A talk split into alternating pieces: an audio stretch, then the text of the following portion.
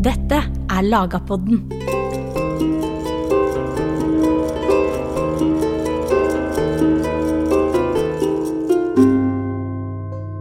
Landslov av 1274 regulerte mange samfunnsforhold i en mellomaldersk forstand. En skal likevel ikke overdrive styringskrafta til lovboka. For det første så var en god del regulert gjennom andre ordninger.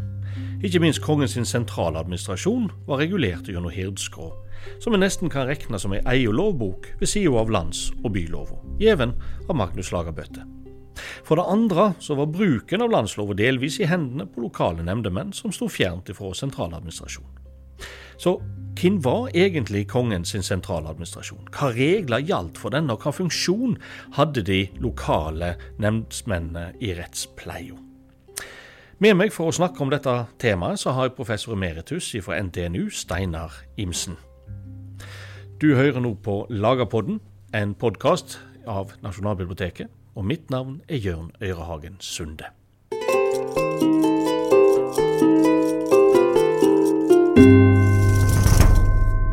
Og Steinar, når vi skal snakke om sentraladministrasjon, så må vi begynne med denne lovboka Herdskrå. Og det er vel ingen historiker som har studert den så nøye som deg, som til og med har omsett den til moderne norsk. Så kan du fortelle oss, hva er egentlig Herdskrå for noe? Ja, det er eh, en sammenstilling av ny og gammel rett som gjelder for hirden. Mm. Og hirden, det er jo Det var jo opprinnelig kongens følge. Mm. Krigere og sånt noe på det tidspunktet når denne Hirdskrå-utgaven vi har, for det er hirdlov, flere hirdlover dette er, Den Hirdskråen vi har, er satt sammen av elementer som går langt tilbake i tid, og som er mm. samtidige. Mm. Da var hirden blitt en landsomfattende organisasjon for hele landets aristokrati, alle kongens menn. Og den danner rammen både om hoffet mm. og om riksstyret. Mm. Hva, hva, er relasjonen mellom hoffet? For når vi tenker på hoff, så tenker vi på folk som synger og danser og, og driver med sånne ting. Men, men hoff og sentraladministrasjon, det er jo nært knyttet sammen. Ja, det, de er, de er en av det samme Altså hoffet er når denne krigsflokken omdannes mm. Til en sivilisert gjeng av politikere og styringsmenn. ja. Og samtidig skal leve etter en kode som sier at de skal oppføre seg pent og gjøre sånn som det er høv, høvlig, ja. håflich, courtois, altså. Det er, det er hoffstandard. Ja. Da er det blitt en hoff. Det er blitt en institusjon som har med riksstyret å gjøre, og som angir også atferd og oppførsel blant kongens menn. Ja. Og denne Hirdskrå den er jo på en måte den, eh, en lovbok, for den har regler. Men den er jo ikke bare en vanlig lovbok, den er mye mer. Ja, den inneholder også elementer av skal vi si, går på oppførsel, moralske ting og sånt noe. Mm. Men hovedsakelig er det jo en eh, lovsamling som gjelder for det interne livet i hirden, mm. og som regulerer styringsverket, både ja. sentralt og til dels lokalt. Mm. Og Kan du gi oss et, et bilde av hvem, hvem, er disse? Hvem er det som samles ved hoffet, og, og hvem er det som er lokalt? Og Er det samme personene på ulike tidspunkt, eller hvem er disse? Det er nok til dels samme personer på ulike tidspunkt, men det er slik at når Hirden er blitt en randsomfattende organisasjon, mm. så skiller man mellom de såkalte bordfaste, dvs. Si de som har fast sete hos kongen, og de ikke bordfaste, det vil si de som er plassert ut i distriktet og skjøtte om lokale administrative oppgaver. Ja. Men, men, de flyter jo litt fram og tilbake mellom de der posisjonene der. Mm. Og så er det jo slik at denne kongens sentraladministrasjon, det er jo ikke noe store greiene, altså. Nei. Det er nesten ingenting. Mm. Det vil si, det er en kansler som har i oppgave å føre kongens protokoller og utferdige kongens brev og ta vare på kongens seil. Ja. Og når det er nødvendig, også fare kongens ærender, men også utenlands som diplomat. Ja. Men stort sett så sitter han der og, og, passer på å føre bøker over inntekter og utgifter og forskjellige brev som administrasjonen skal lage. Og så har han et par skrivere, kanskje. Mm, mm. Og så sier man jo gjerne at når denne administrasjonen blir fast et sted, så er det en hovedstad. Mm. Og dette hovedstadsbegrepet er jo veldig anakronistisk, da, for å si det sånn. Ja. For, for kongen reiser rundt hele tida. Ja. Og det er hele, gjennom hele middelalderen og langt ut på 1300-tallet så reiser han rundt. Og da har han med seg kansleren. Ja. Eller noen skrivere. Ja, ja. Men noen steder sitter han ofte litt lenger. Ja. Han satt spesielt lenge i Bergen, f.eks. på 1200-tallet. Mm. Og så tror jo folk i Oslo at eh, Oslo ble hovedstad i 1300 og sånt, men Ja. det er jo en bløff, egentlig. Ja. Kongen bodde jo ikke i Oslo fast før, på Akershus før under Håkon 6. Og Håkon 5., som de ofte sier at gjorde Oslo til hovedstad, han bodde jo faktisk vel så mye på Tønsberg hus, for Ja. der var det beboelig. Mm. Mm. Så han døde der også. Og når kongen reiser rundt og, og besøker de ulike byene, men han er òg andre steder enn bare i byene, så besøker han jo sine hirdmenn da òg, gjør han ikke det? Jo. Det vil si, han besøker dem ikke ute i distriktet. Nei, nei. Han, besøker, han har en fast reiserute. Iallfall når vi kommer på Magnus Lagabøtes tid oppover. Ja. Han, han farter jo stort sett mellom de steder hvor det var kongsgårder. Mm. Og det vil si, i praksis, hvis vi skal begynne lengst uh, i øst, så er det Oslo. Ja. Og så er det Tønsberg, som er veldig viktig som et bo bolig. Det er, altså, viktige rikspolitiske begivenheter finner heller sted i Tønsberg på Magnus Lagabøtes tid Mm. enn i Oslo. Ja. Og så har du Avaldsnes, og nå Ja. er vi så heldige at vi begynner å se finne igjen den gamle kongsgården på Avaldsnes. Ja. Og det var et veldig ofte, et sted det ofte var. Det skjedde Mm. veldig viktige ting der. F.eks. dette forliket om Stadabollene på Island. Ja. Avaldsnesforliket det ble inngått der i 1297. ja. Og er så, vi og så er det Bergen, da. Ja. Og, og, og Trondheim, eller Nidaros, litt utover 1300-tallet. Men der er det jo slik at der forskyver jo erkebiskopen etter hvert alt som heter kongelig administrasjon. Mm. Men det er noe seinere. Ja. ja, for da ser vi jo òg at f.eks. Uh, ulike diplom knyttet til lagmannen relativt sjeldent fra Trondheim. Det er mye vanligere de andre stedene. Så det er tydelig at erkebispen sin administrasjon har tatt hånd om veldig mange typer saker i Trondheim. Han tar veldig mye hånd om det. Og dessuten, fra slutten, slutten av 1300-tallet og utover 1400-tallet, så tar han jo Ja. hele den statlige administrasjon. Ja, ja. ja, for det er jo en ting vi ofte glemmer når vi snakker om re reformasjonen, at erkebispen var jo nesten en slags norsk regent i realiteten. Ja, etter 1450 Ja. så er han riksvikar Mm. og formann for riksrådet. Men før det så forlens han jo med Mm. de verdslige postene til kongedømmet Mm. i store deler av Trøndelag. Mm. Men tilbake til, til hirdskråen. Du snakket jo dette, om dette at eh, noen deler er eldre, noen deler er samtidige når vi kommer til 1270-tallet og vi får den hirdskråen vi, vi kjenner. Disse eldre delene, hvor langt tilbake tror en de går? Det er ikke så godt å si med sikkerhet, iallfall tilbake Mm. kong Sverre. Ja, men, ja. men det er um, de eldste delene gir preg av det hun kaller for et flokkongedømme. Nettopp. Blant annet så er det en egen, et eget kapittel om fordeling av bytte. Ja, akkurat. Ja, Og det, det er interessant, altså, fordi at der kommer kongen ned som en sånn primus inter pares. Han skal ikke ta noe før alt er lagt i potten. Ja. Og så skal de som har, finner ting som er blitt tatt fram til, få ta det ut. Men så skal det deles likt. Ja. ja.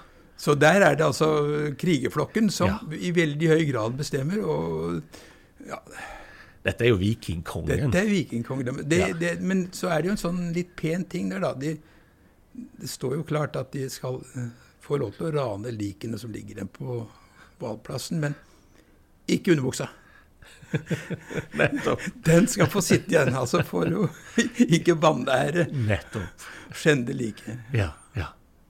Det er et tydelig sånn gammelt trekk. Altså. Men så Mm. har det den høviske delen da, som forteller om hvordan de skal oppføre seg. Ikke gå til ludder og horer og spille kort og drikke seg fulle og spise for mye, for da får de en ufæl og usunn kropp og de, ja, alle de tingene der. De skal Ja. bruke tida på å prise Gud og passe på kvinnenes dyd.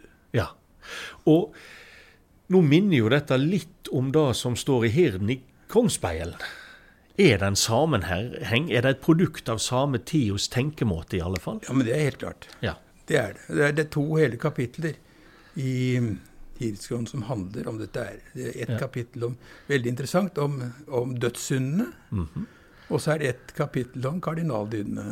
En Morsom, artig lesing som kommer som et innskudd omtrent midt, midt i boka. Ja. Eh, er hirdskråen For at landsloven den er i stor grad ei forhandling.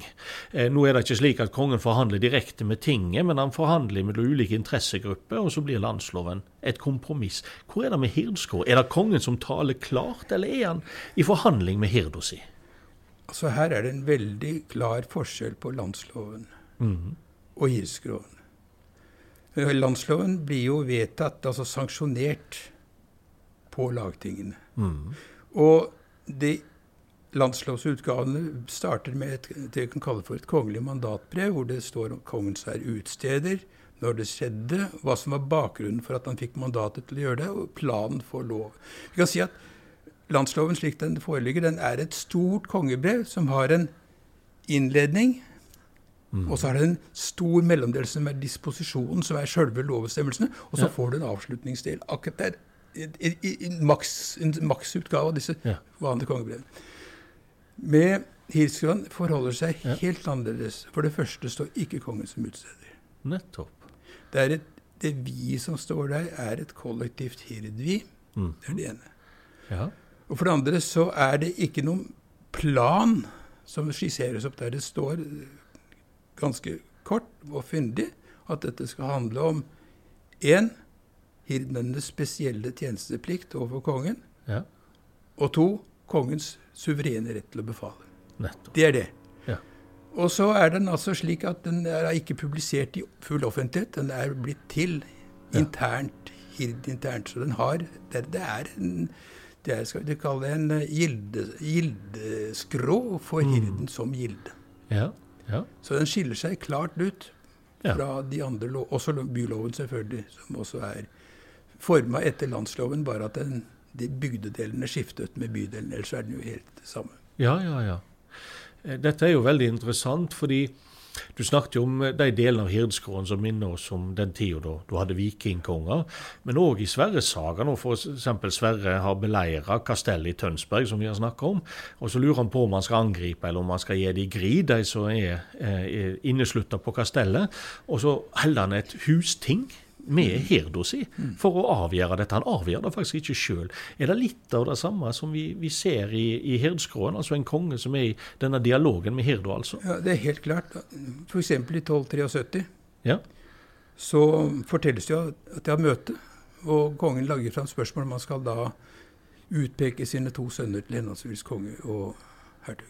Ja. Og det er en sak som da blir drøfta i hirden, og som legges fram der. Ja. Eh, det blir, ikke, det blir ikke tatt opp på noe ting eh, for folk ellers. Men det blir publisert ja. året etter på Øyratinget. For da var Øyratinget i 1260 skulle være kongshyllingsting. Ja. Så der blir det foregår en, en, publikasjonshandling, en lysning av det som var skjedd i 1273 året før. Altså. Nettopp. Nettopp. Nå skal vi forlate litt selve Hirdskråen, og så skal vi snakke enda mer om noe som vi alt har vært inne på, nemlig forvaltninga. Men uh, først skal vi ha en liten pause.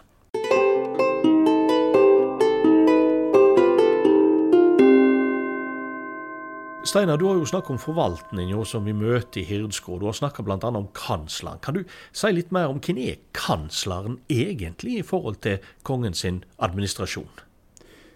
Ja, Kanslerens posisjon er veldig forskjellig fra de andre. For han framstår ikke som håndgangen mann.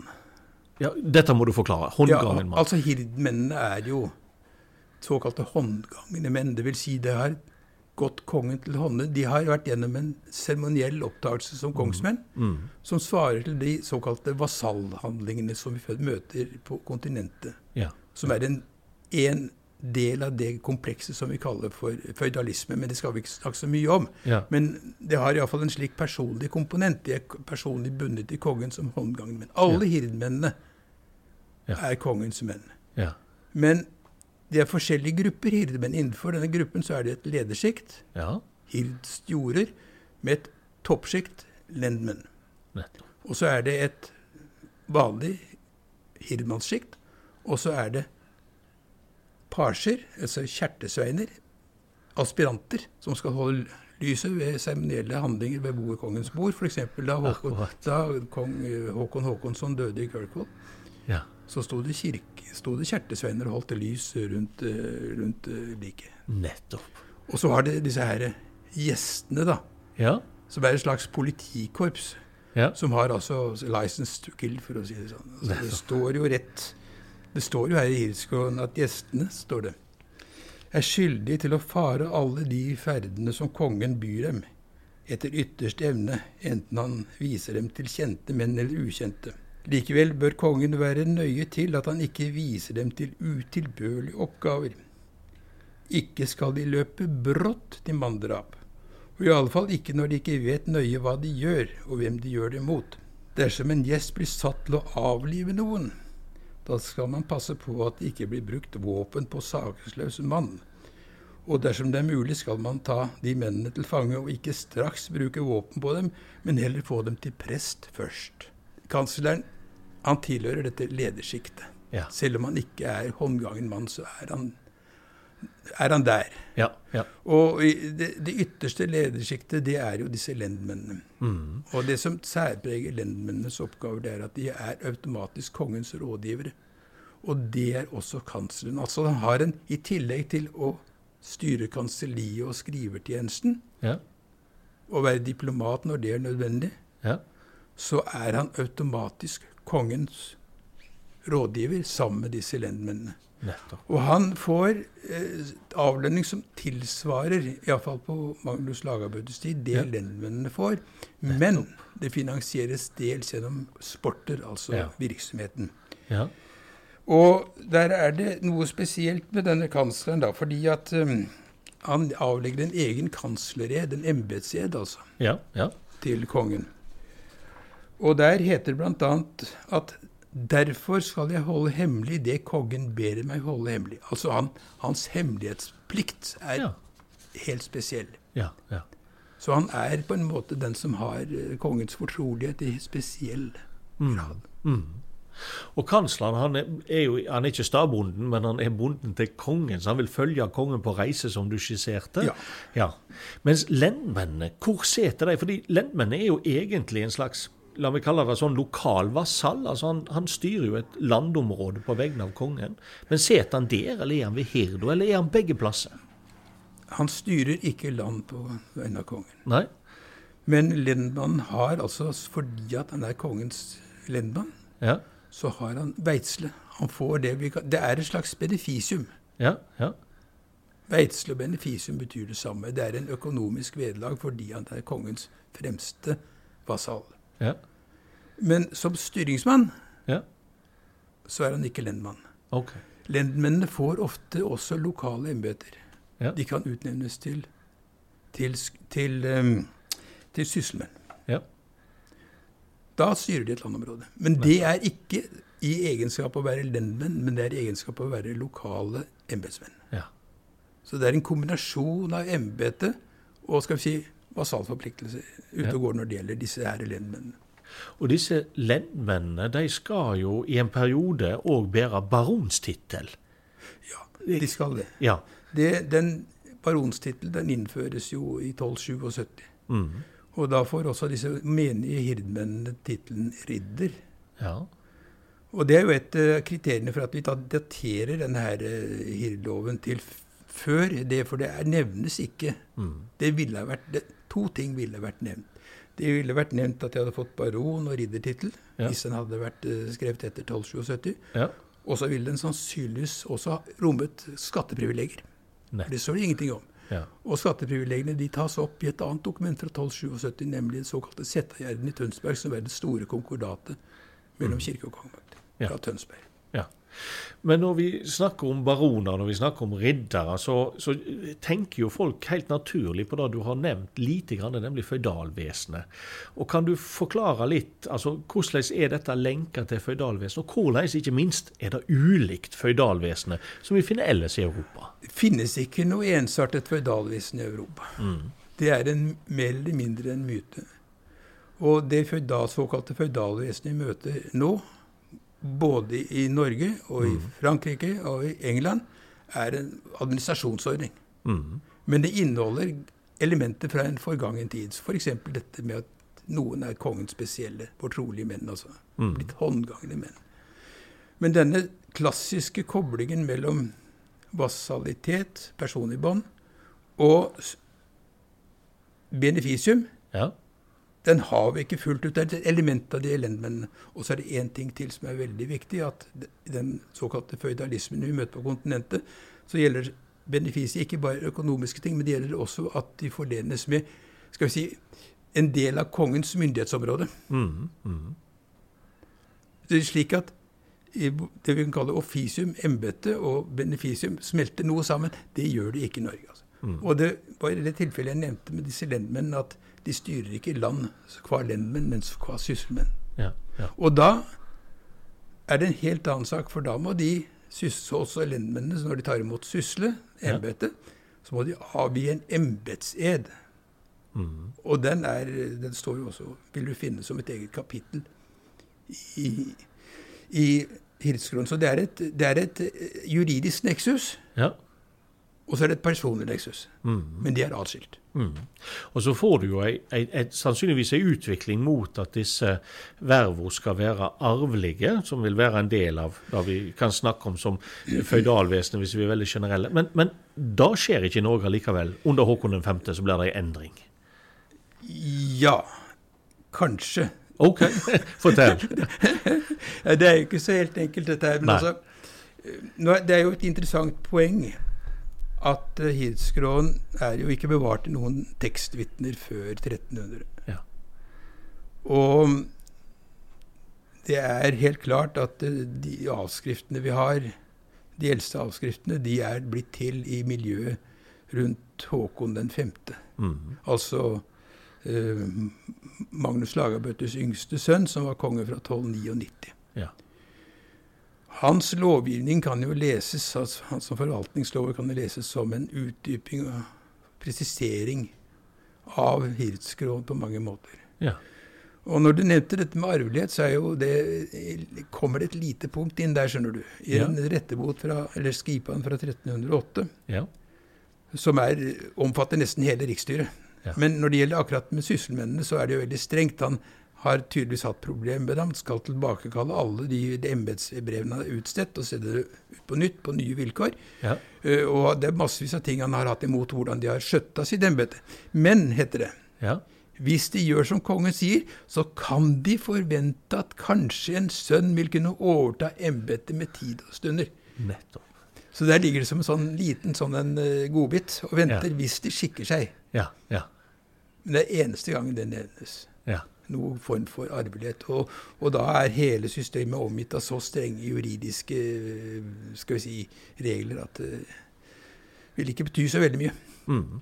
Og det skjer jo ikke heller at det blir noen form for eh, dynastioppbygging på aristokratisk hold omkring. Nei, Vi får vel ei, ei sak om dette òg seinere på 1300-tallet? Ja, vi, får, vi får ei sak om det i Ja. 1347.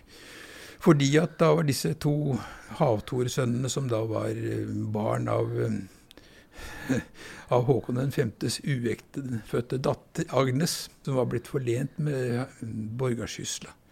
Ja. Og de mente de hadde rett til å få beholde det lenet også videre utover. Og det ville ikke kongen. Han ville, som den nye kongen, Magnus Eriksson, ville ikke akseptere det. Så da settes altså hirden ned til å vurdere det rettslige her. Og de kommer da fram til at det ikke kan forlenes med noe utover en konges eh, regjeringstid. Og det gis privilegier utover en konges regjeringstid. De må fornyes. Ja. Så han har full rett til å trekke tilbake det der. Og så et eh, Så, men egentlig så er det, det som skjer, er at kongen da stiller et spørsmål til riksrådet. Som samtidig er det samme som hirden, omtrent. ja. Eh, Han stiller spørsmål. Og det han får tilbake, er det vi kaller for et rettslig responsum. Altså et svar på et juridisk spørsmål. Ikke Ja. noen domsavsigelse, men de klargjør akkurat det der arveproblematikken Ja. når det gjelder eh, å- å- å- sånn forlening av embeter. Og akkurat den, den saken der er jo litt interessant, for i enkelte saker der ser du at domstolens sammensetning blir på en måte hirdfolk som sitter der som dommere. Og en ting som jeg har lurt litt på, det er jo rett og slett om hirdmenn hadde som et privilegium at de skulle dømmes av sine egne. Når vi får en egen lagmann for Kongsgarden i Bergen og senere Tønsberg, er det et uttrykk for en slik ordning, tror du? Ja, men det er slik at eh, landsloven er jo helt klar på det punktet, og det er jo også her, at uh, hirdmennene har et privilegium fori, altså et privilegert verneting. Ja. Men det er begrenset. Det er begrenset til saker innad i hirden. Nettopp. Mellom hirdmennene, eller mellom hirdmennene og kongen. Mm. Men i alle sivile saker, eller, og også straffesaker faktisk, Ja. ute i bygdene, så skal de dømmes Deres sak skal behandles som alle andre sivilsaker, som andre på de, de, de, normale rettsapparatet. Ja. Og nå skal vi litt ut i bygdene, men først så skal vi ha en eh, liten pause.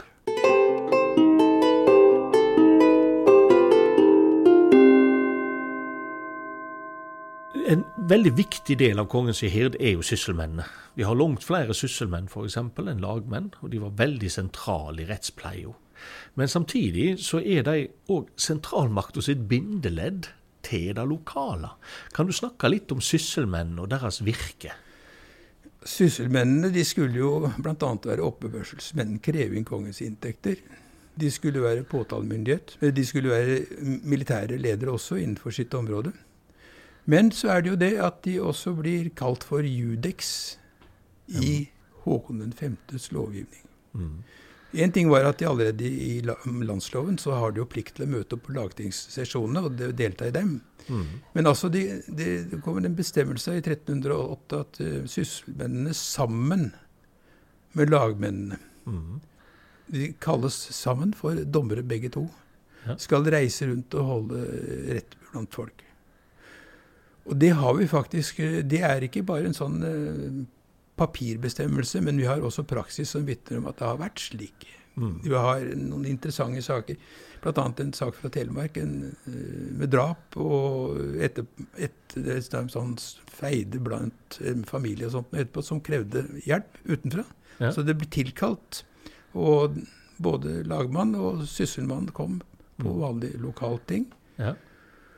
og forhørte partene.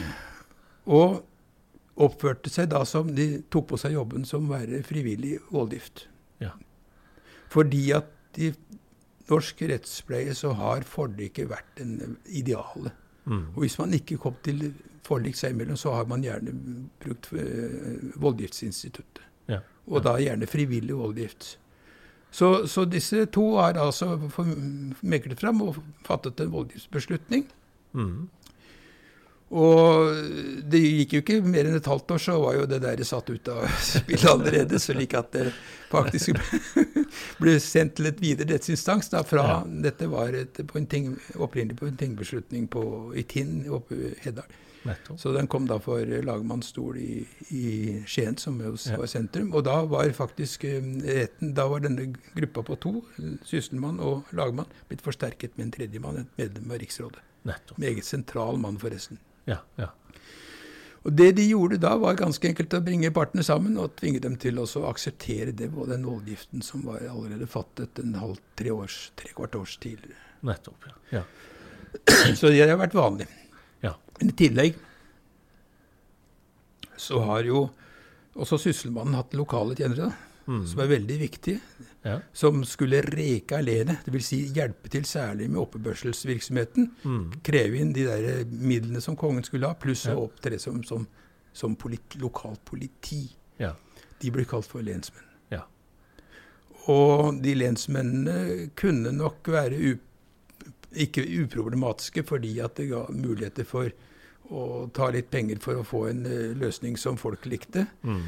Og de kunne brukes som pressmiddel, slik at det kom jo til et punkt hvor etter press og motstand fra lokalbefolkningen så Ja. vedtar kong Haakon den femte Ja. at sysselmennene heretter skal hente sine lensmenn blant bøndene. Ja. Ja. Så der har du faktisk en sånn, et sånn skikkelse Mm. som plasseres mellom forvaltning og bonde. Men dette er jo samtidig et veldig viktig beslutning. Altså Håkon 5. rydder jo veldig opp i eh, administrasjonen sin. Men da at du får en lensmann som springer ut av lokalsamfunnet og blir mellommann med sentralmakt, og representert av, av eh, eh, sysselmannen, da blir en en veldig viktig figur i norsk Ja, og han har vært igjen norsk historie helt fram til vår tid. Ja, ja. Samme mellom, Det var jo bare først på 70-tallet at de slutta å ha brannkasse, ha en del private forretninger og sånt til sin. Så Mm. den, den merkelige mellomposisjonen som lensmannsstillingen har hatt, den er veld, veldig interessant og burde vært gjort mye mer med. Ja, for, for dette er jo òg viktig for å skape tillit, rett og slett, til hele administrasjonen. Ja. Men så var det jo en annen ting som Håkon 5. også gjorde, da, hvor han utdyper Ja. Hildskron, kan vi si det slik. Ja, Og det er at han gjør noe med finansforvaltningen. ja, Så i sted, han opprettet skattmester, lokale skattmesterstillinger. Såkalte ferier i Oslo. Tønsberg, Bergen og Trondheim. Ja. Og så er det én ting til. Han utvider også det sentrale organet. ja. Ved å uttrykke, få pavens godkjenning til å akseptere de såkalte kongelige kapellene som en egen organisasjon som skal danne grunnlag for en mer omfattende skriftlighet og skriftlig administrasjon. Og til slutt få et fast kanslerembete mhm, som skal være plassert ved, ved Mariakirken i Oslo. ja. Og hvor det skal være to ledere. Den ene er denne ved Mariakirken i Oslo, som Ja. er, er prost. Og den andre prosten det er han ved Apostelkirken i Bergen, ja. som for øvrig Magnus Lagerbøte begynte å bygge i 1275. Ja, eh, Men bare nå for å også koble tilbake. Noen tar jo dette som et tegn på at Oslo blir hovedstad, men det gjør ikke du. Nei, jeg gjør ikke Nei. det. det, altså det. Vi kan si det slik at eh, det blir et sted hvor det er et fast stab. Ja. Men det er det også i Bergen. Ja, ja. Og hvis vi skal snakke om Bergen i den, på den, i den forstand, så er Bergen hovedstad for ikke bare Vestlandet, men for hele skattelandsområdet. Mm. Er klar over. Så han som er ferdig i Bergen, og dessuten Apostelkirken, en avdeling av, av den her Kongens kapellgeistlighet, sitter der. De har arkiv der. De fører bøker der. Og eh, etter at unionen kommer i stand, og, Ja. og seilet forsvinner til Danmark, så blir kansleren i Oslo Ja. Som blir sittende fast, faktisk, helt, fast, helt fram til slutten av 1600-tallet. Ja. Han blir sittende med én jobb, Ja. og det er å forvalte drapsprosessen. ja, for da må vi òg snakke litt om eh, dette instituttet Landvist, som er viktig med landsloven. Kan du, du, og du har jo skrevet om dette i Historisk tidsskrift. Ja, Landsvist det betyr å få kongens uh, rettsvern, altså, til Ja. opphold i landet. Mm. Og i forbindelse med drapssaker så var det jo slik at eh, noen saker kunne du få botstraff for, og andre Mm. saker kunne du bli sannsynligvis satt av dag eller bli fredløs. Ja.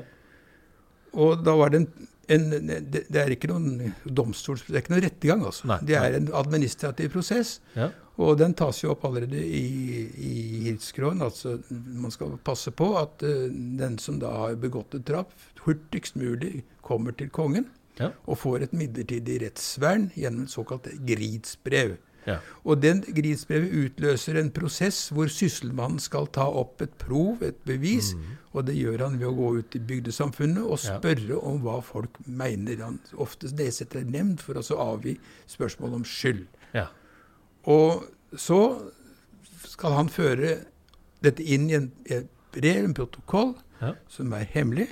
Ja. Det er ikke folk, alvor, som sendes til sentralforvaltningen, som vurderer det om det er alt i orden. Og hvis det provet samsvarer med det som kreves for å få Mm. for kongens fred, så vil han få utstedt et landsvisstbrev som garanterer permanent Ja. Men det forutsetter én ting.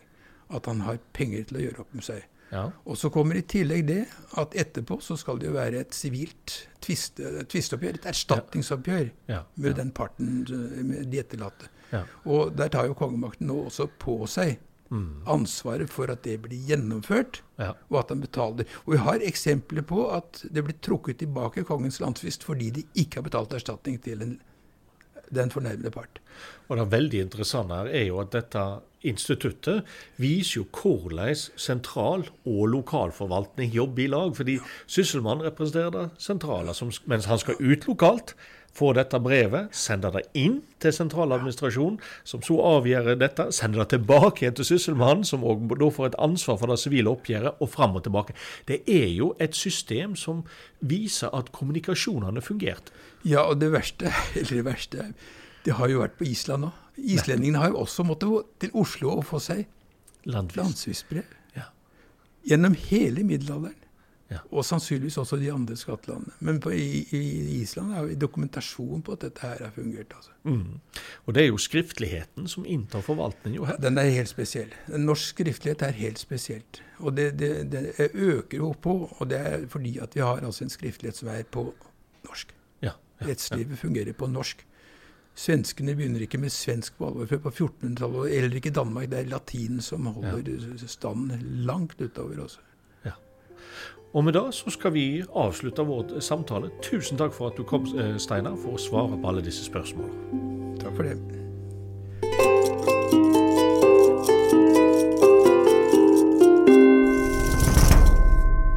Du har hørt en episode av Lagapodden. Musikken i denne podkasten er skrevet og produsert av Øyon Groven Myhren. Hør flere av Nasjonalbibliotekets podkaster på nb.no eller i din foretrukne podkastapp.